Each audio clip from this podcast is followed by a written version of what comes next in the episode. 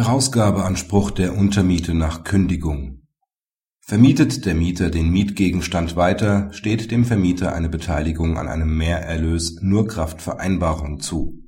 Anders stellt sich die Situation dar, wenn das Mietverhältnis gekündigt worden ist. Die zwischenzeitlich insolvente und nunmehr durch den Insolvenzverwalter repräsentierte Vermieterin macht im neuen BGH-Fall gegen die Beklagte, die ein gewerbliches Objekt für 1000 Euro angemietet und für etwa 7000 Euro monatlich weitervermietet hat, Zahlung der seit Klageerhebung aufgeräumte Herausgabe nach erfolgter Kündigung aus der Untervermietung erzielten Mehrerlöse geltend.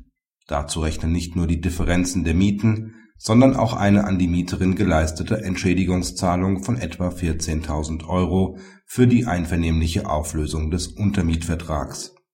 Der BGH gesteht dem Insolvenzverwalter die begehrten Forderungen für die Masse zu der Anspruch ergibt sich aus den §§ 546 Absatz 1, 292 Absatz 2 und 987 Absatz 1 BGB.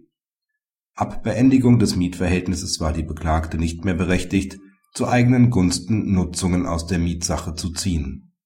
Mit Geltendmachung des Herausgabeanspruchs kann der Vermieter auch die Überlassung der aus der Mietsache gezogenen Nutzungen fordern zu diesen rechnen auch die Erträge, also auch die Untermieten, die die Beklagte durch die unterlassene Herausgabe noch erzielt hat.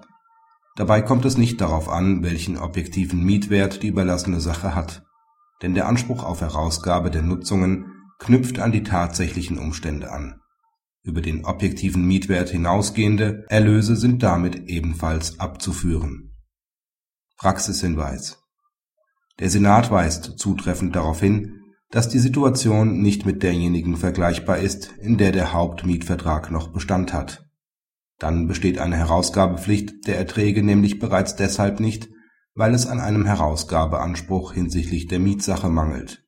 Solange dies der Fall ist, ist der Mieter zur Nutzung berechtigt, denn der Vermieter hat sich durch den Hauptmietvertrag gebunden, auf eine eigene Nutzung zu verzichten. Wenn er dennoch an einer Untervermietung partizipieren will bedarf es einer entsprechenden Vereinbarung. Gerade im gewerblichen Bereich kann dies, wie die hiesigen Unterschiede bei der Miete zeigen, sinnvoll sein